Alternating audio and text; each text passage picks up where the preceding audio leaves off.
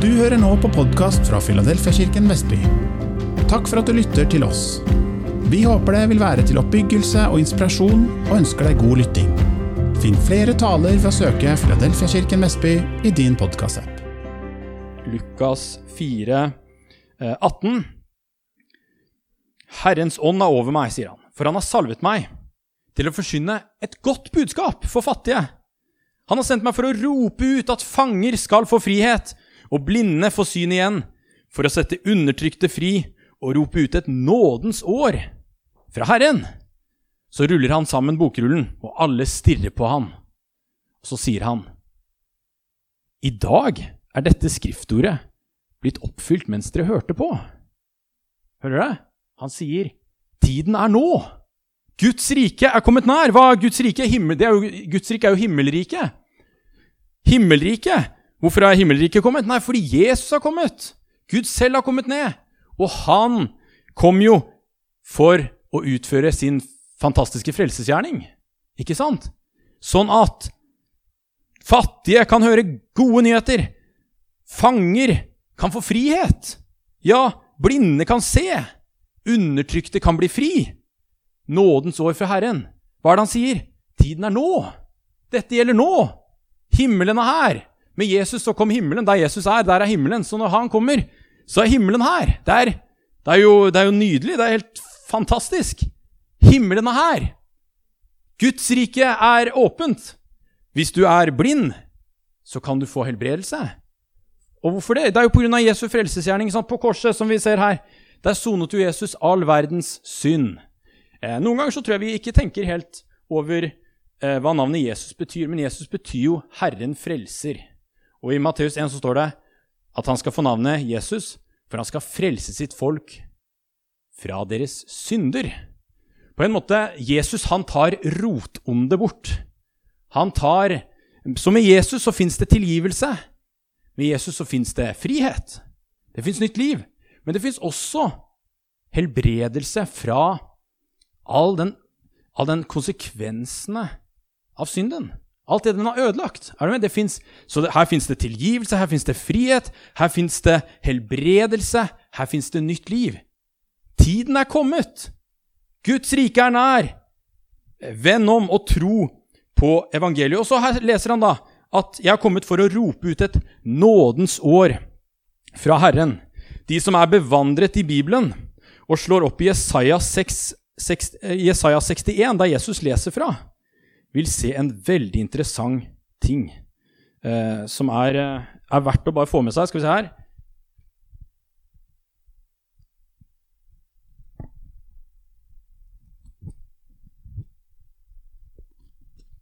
For Jesus utelater én ting når han kommer her.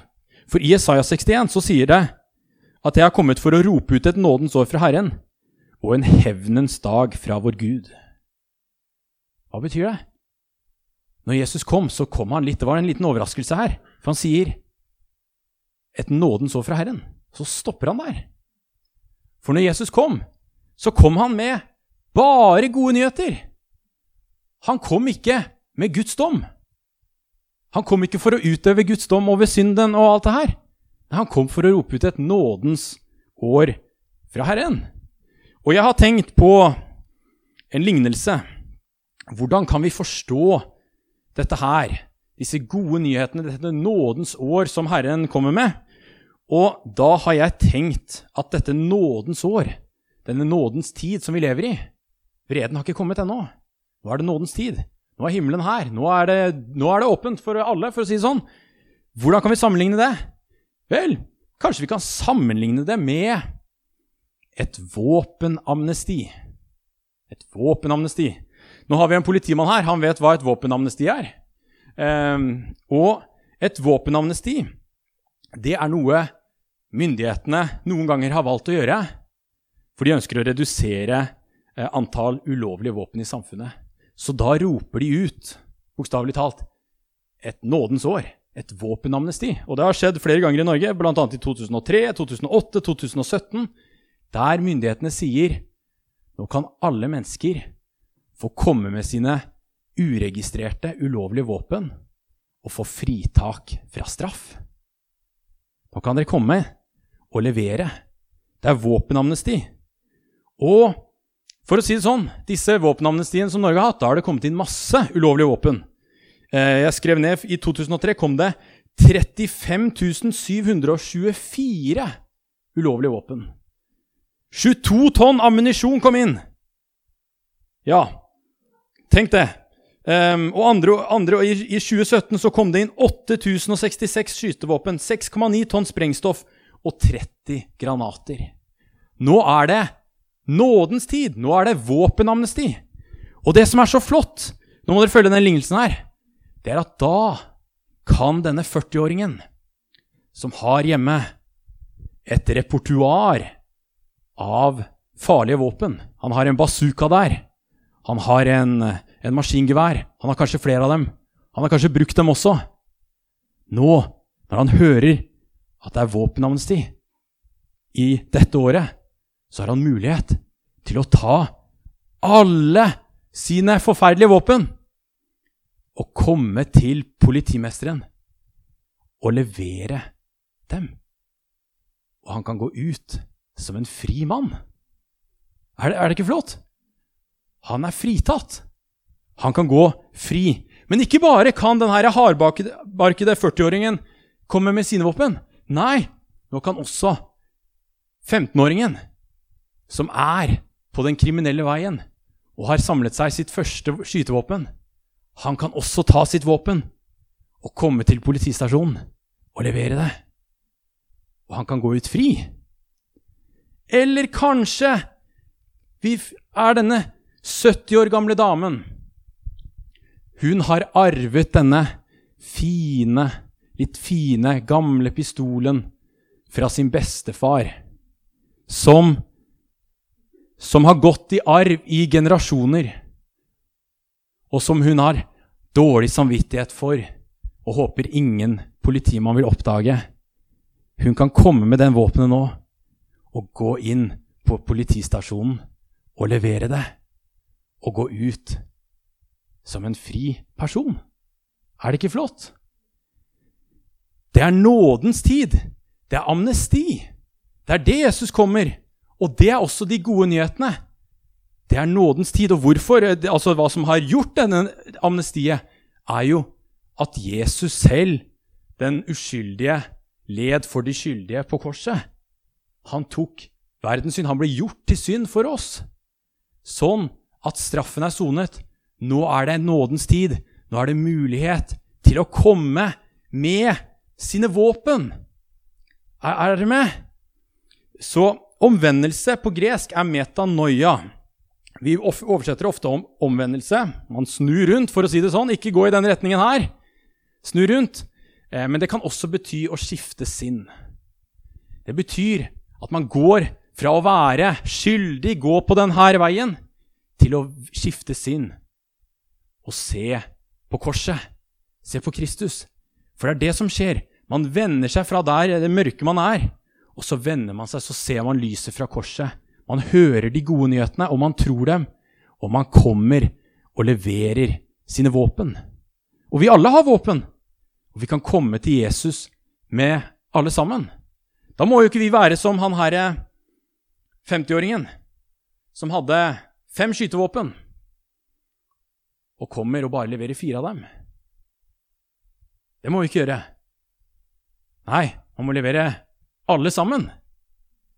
Alle sammen. Eller å gjøre som denne politimannen. Politimesteren, faktisk. Um, som fikk via noen andre som ikke leverte våpen når det var amnesti, av en, eh, noen han kjente, så fikk han plutselig et våpen i sin hånd. Og hva gjorde han med det? Han leverte det ikke inn.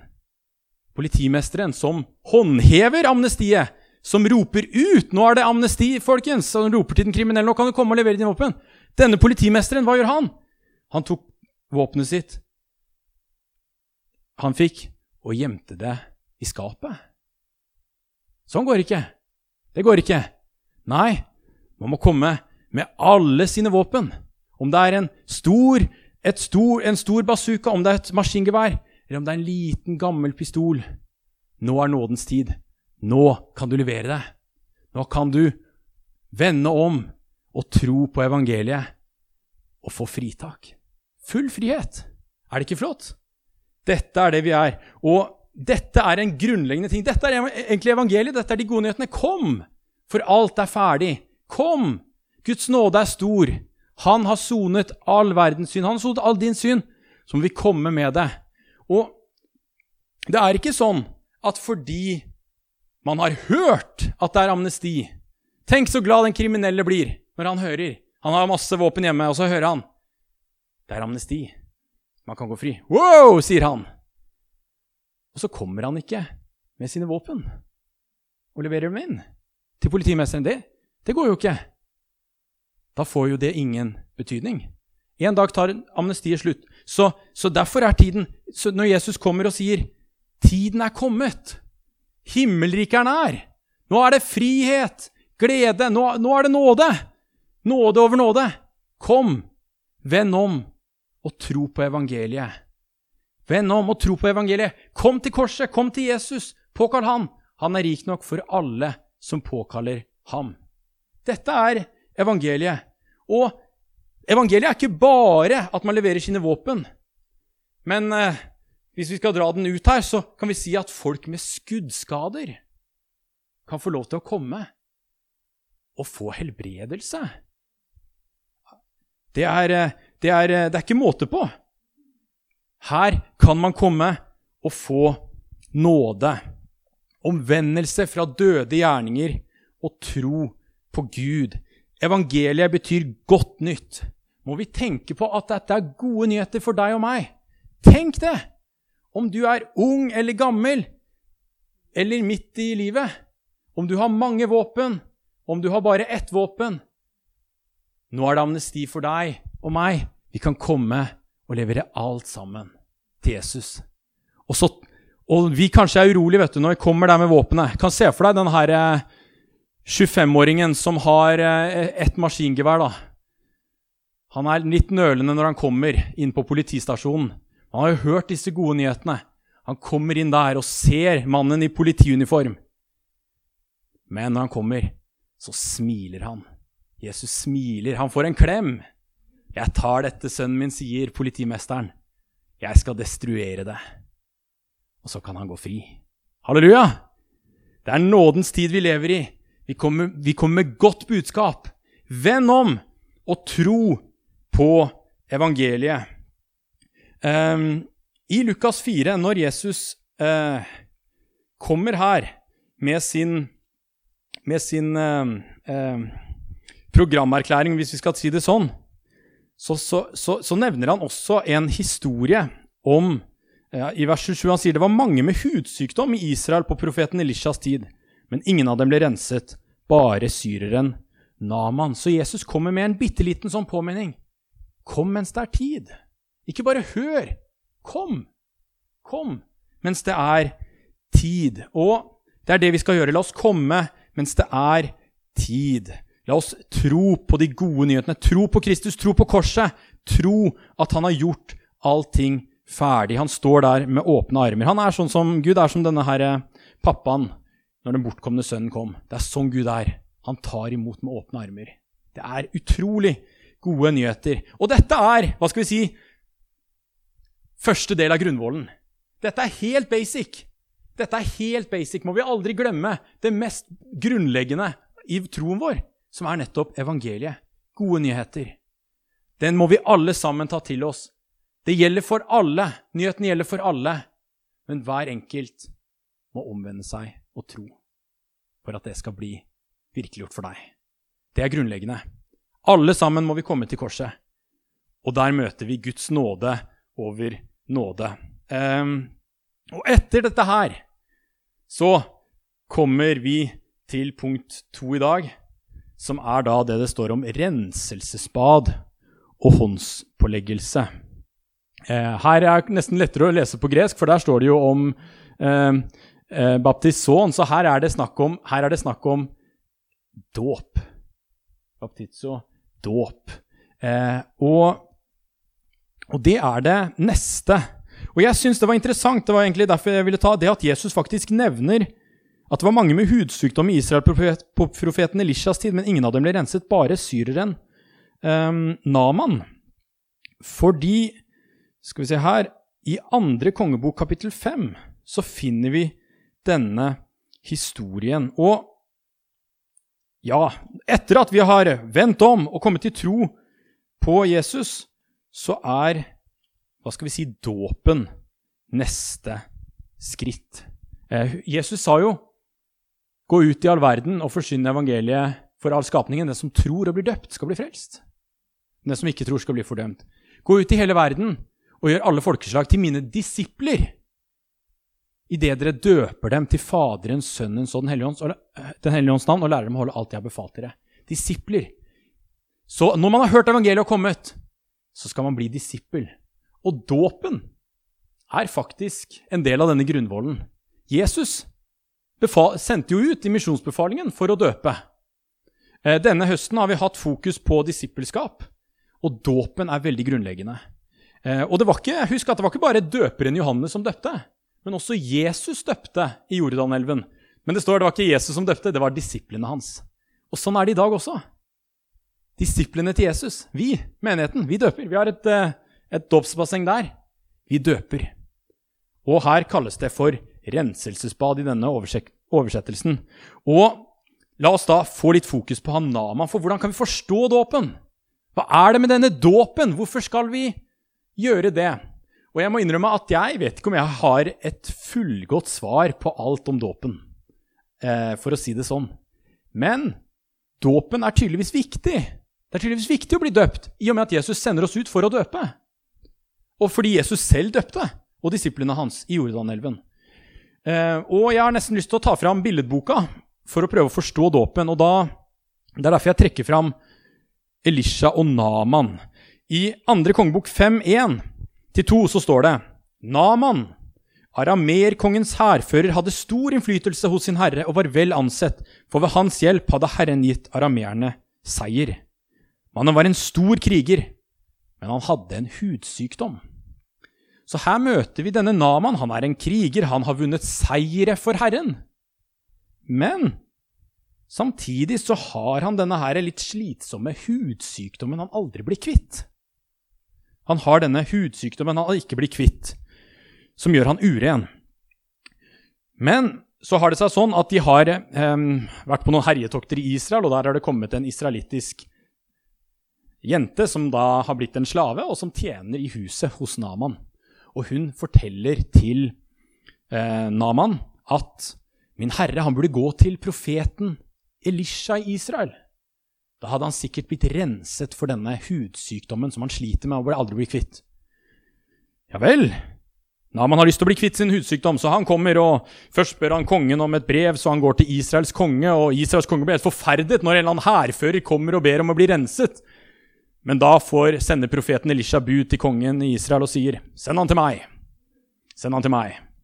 Så da kommer Naman med hele sitt følge til profeten Elisha. Og husk at han her er jo en, en mann som har vunnet seire. Han er nok litt stolt, og han er rik og han er velstående. Han kommer med hele sin gjeng for å møte denne profeten Elisha. Så han kommer der han kommer der med sin, sine klær og sine hester og sånne ting. Sin, sin army. Han, har, han, han viser fram jo hvor stor seierherre han er når han kommer.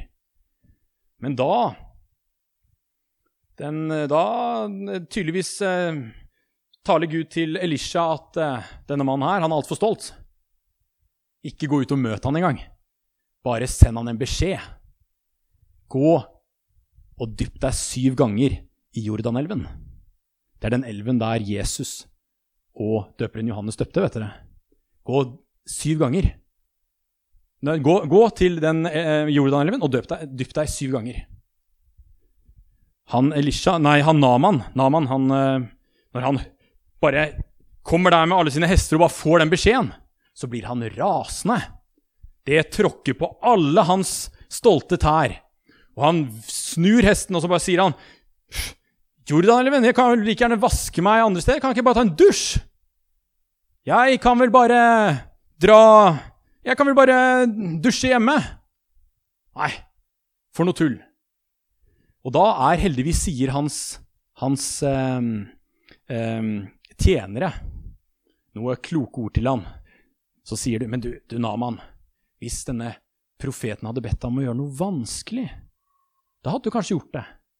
Hvis han hadde bedt deg om å ha en 40 dagers faste, eller hvis han hadde bedt deg om å, om å tre, gå, gå, på en misjonstur og alle sånn, be, ha morgenbønn fra fem til seks hver dag, da hadde du kanskje gjort det. Kan ikke du bare dyppe deg? Ok, da. Så han, han, han, han setter kurs for dåpsbassenget. Han setter kurs til Jordanelven. Går han ute der med sine fine klær og dypper seg en gang. Og så dypper han seg en gang til. Og en gang til. Og nå bryr han seg ikke lenger. Nå dypper han seg alle syv gangene. Han dypper seg ordentlig. Akkurat som han fikk beskjed om. Så står han opp, og så har huden hans blitt ren som en liten guttunge. Og den mannen ble en annen mann. Da kommer han tilbake til profeten og sier, 'Nå vet jeg at det er Gud som er Gud.' Da var det ikke lenger profeten det handlet om. Det er Gud det handler om. Wow! Nå, nå vet jeg, står det i vers 15, at det ikke finnes noen Gud på jorden uten Israel. Så du verden, er det, er det ikke herlig? Og jeg kan ikke helt forklare det her med dåpen, men Bibelen bruker noen bilder på dåpen. Det ene er jo blant annet Jordan en, eh, at det står om israelittene når de gikk ut av Egypt, ut fra verden, ut fra slaveriet, ut fra syndens fangenskap, for å si det sånn, så kommer de til et lite Altså, de har kommet ut, men så kommer de der, til eh, Rødehavet. Og nå kommer egypterherren etter dem. Egypterherren som har makt over dem. Og det er egentlig først når de krysser Rødehavet, at Egypts makt på en måte blir brutt over dem. Er det ikke interessant? Kanskje det kan være et bilde for oss å forstå at det er et eller annet med denne dåpen. Og La meg vise et, et ord som er uh, veldig interessant i det så måte. Det er 1. Peter kapittel 3. 1. Peter 3.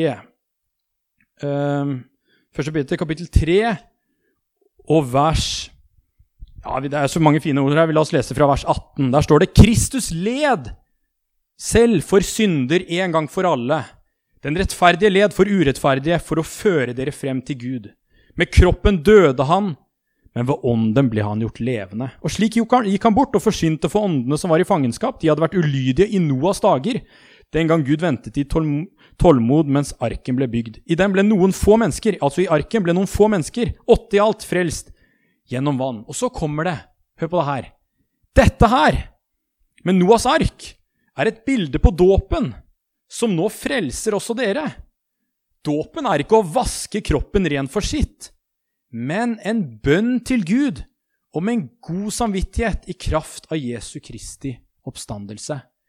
Um, I en gammel oversettelse så står det en god samvittighetspakt. Men når jeg har sett, sett på gresk, så må jeg si at jeg syns denne oversettelsen er bedre.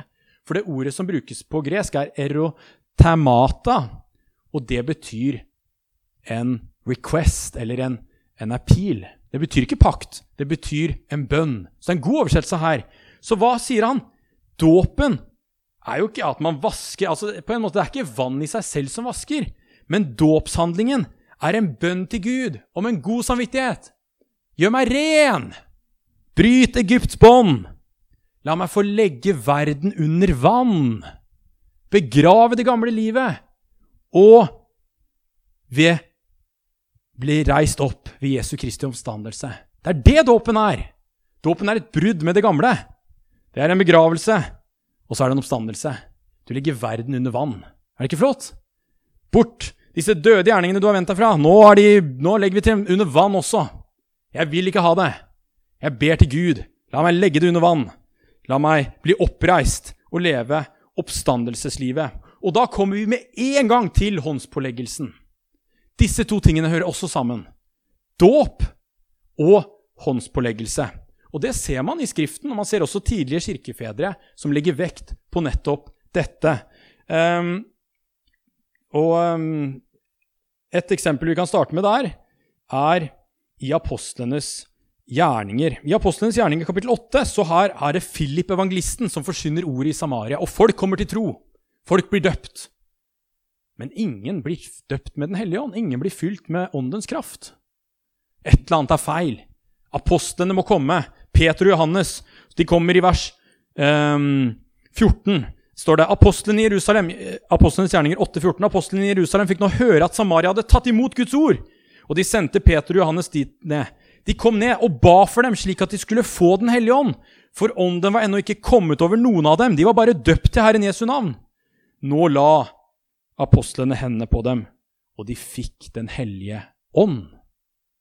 Dette her hører også sammen. Akkurat som at omvendelse og tro hører sammen, så hører også dåp og åndsdåp sammen. Det er to sider av samme sak. For oppstandelseslivet er jo liv i ånden. Det er liv i ånden.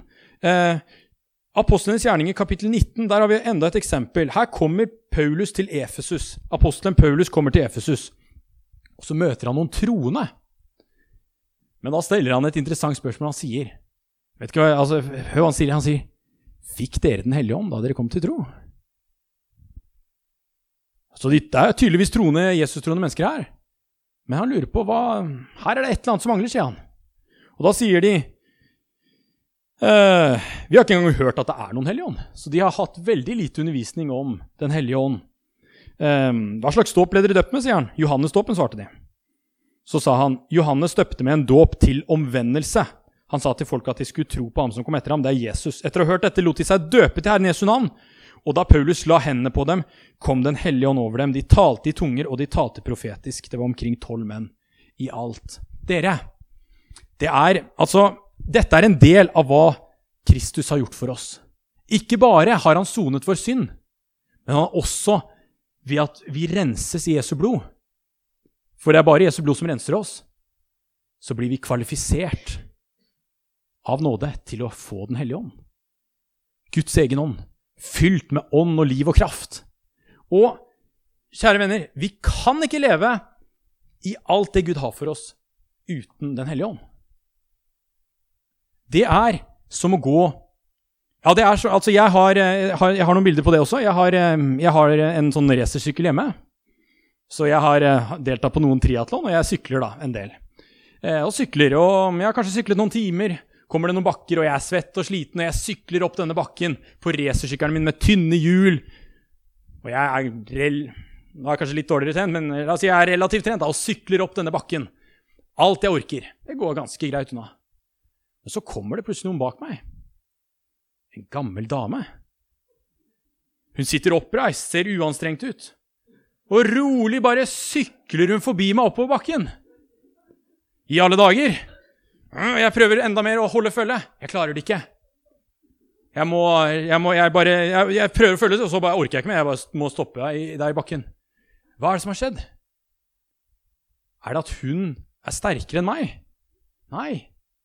Men hun har en elektrisk sykkel. Hun har power. Hun har kraft. Og det gjør forskjellen. Hun klarer å sykle til uh, som hun skal fordi hun har åndens kraft. Eller uh, elsykkelens kraft. Er dere med? Og jeg har et bilde til. Uh, og da er det også litt i sykler. Vi har masse sykler hjemme holdt på å si sykkel for liten og stor. Begge jentene våre har sykkel. Vi har en rullesykkel. Har, jeg har to sykler. Jeg har en sånn hybridsykkel. Jeg har en racersykkel. Kona har en sykkel. Så vi har masse sykler. Vi har til og med um, en sykkelvogn. Vi har masse sykler. Og alle disse syklene har hjul. Og disse her hjulene er jo til litt ulik bruk, avhengig av om det er til et barn, om det er til en eh, voksen, om det er til grus, om det er til by, om det er hva det nå er. Er dere med? alle disse hjulene. Og hva, hjul, hva, har hjul til felles? Jo, de er jo runde, ikke sant? og de er ment å rulle på. Men det er én ting til alle disse hjulene har til felles, og det er det at de må ha luft i dekket for å rulle skikkelig. De må, de må, ha, de må være fylt med luft, med, med, med Guds ånd, for å rulle skikkelig. Det kan være et kjempebra dekk med et ufattelig stort potensial. Men jeg vet ikke om du har prøvd noen gang å sykle med lite luft i dekkene eller ingen luft i dekkene, det, det går ikke så bra. Det, går, det, er, det, fungerer ikke helt optimalt. Og sånn er det jo også for en kristen. Det er akkurat det samme. Vi trenger og, altså, og, og, det å få Den hellige ånd er jo eh, ingen, ingen, ingen, fortjeneste. Det er jo Guds gave. Men vi trenger det. Og det som er det gode, er at Gud ønsker å gi oss sin ånd. Han ønsker å fylle oss.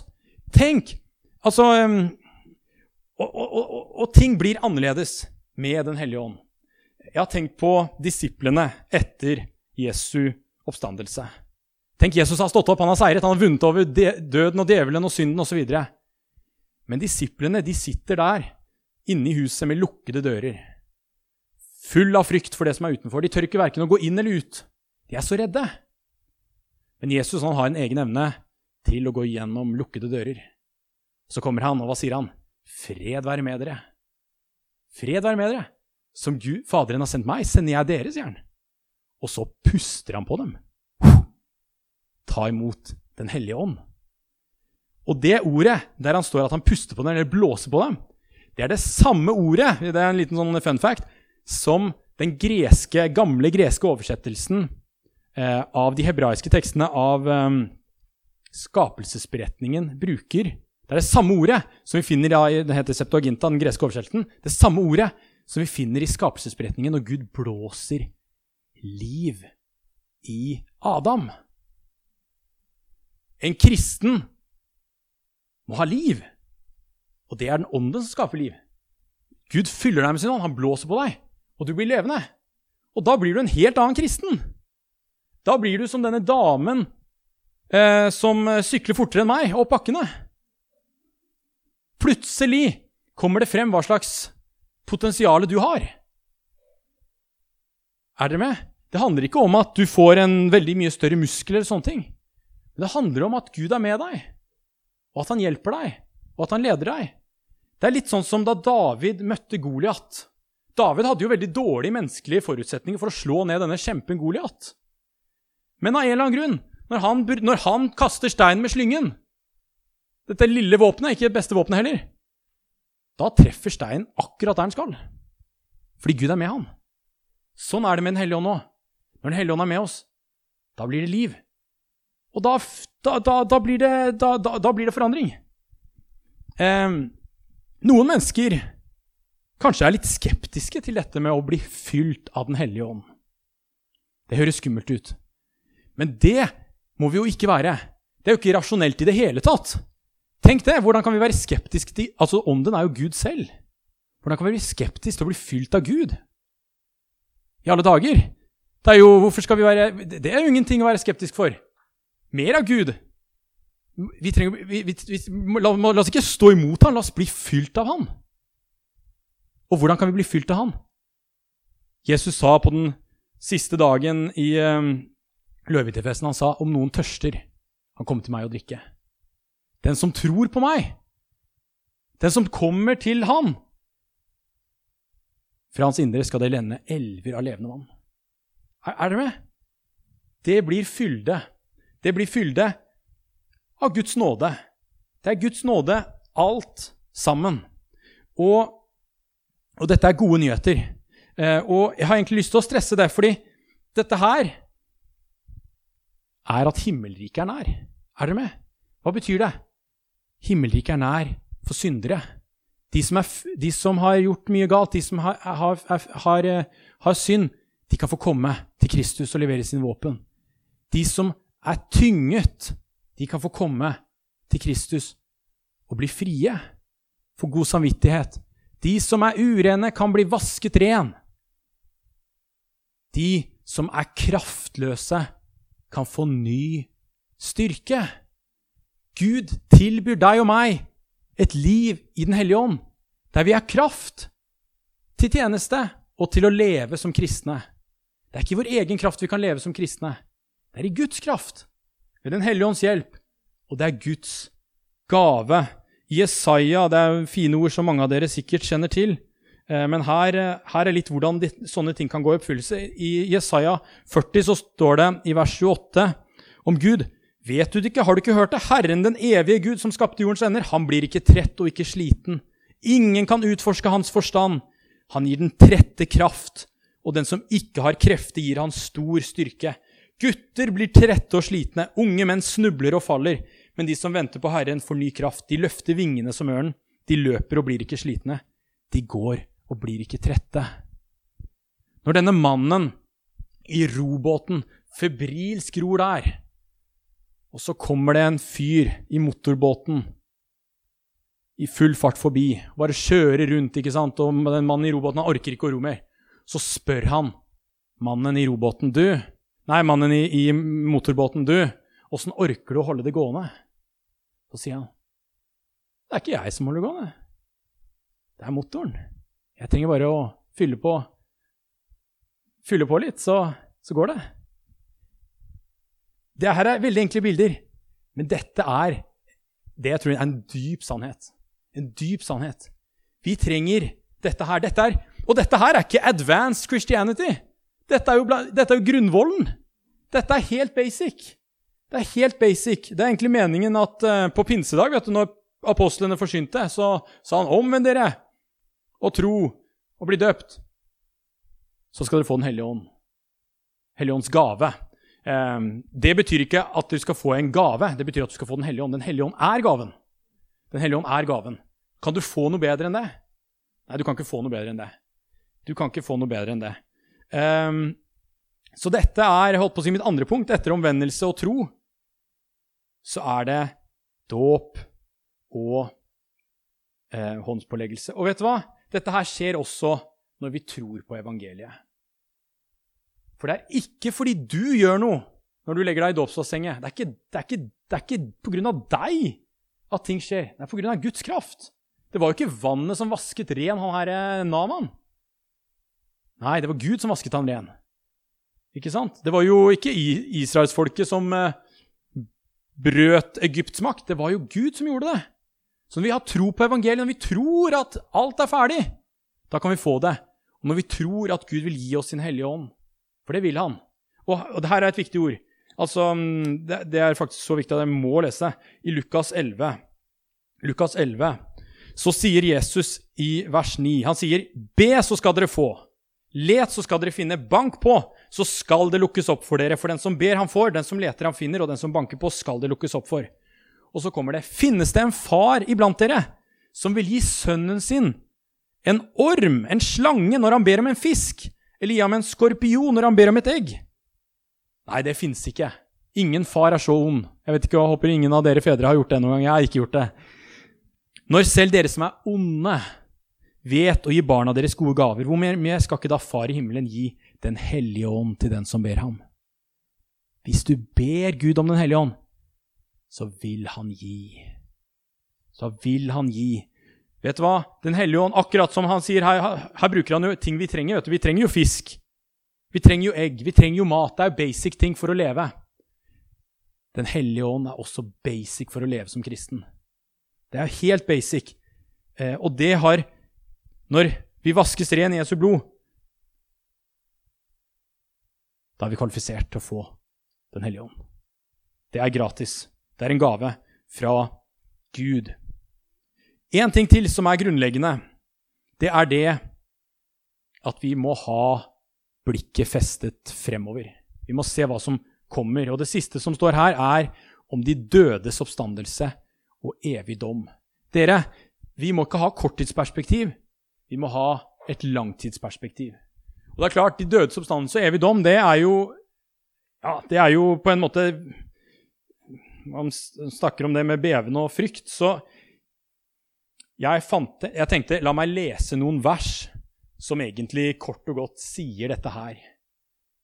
Det, og det er fra Johannes' åpenbaring, kapittel 20 og vers 11. Og da kommer jeg bare til å lese fra Johannes' åpenbaring kapittel 20 vers 11 og inn i Johannes' åpenbaring kapittel 21. Det her er jo den siste boken i Bibelen. Dette er avslutningen på fortellingen.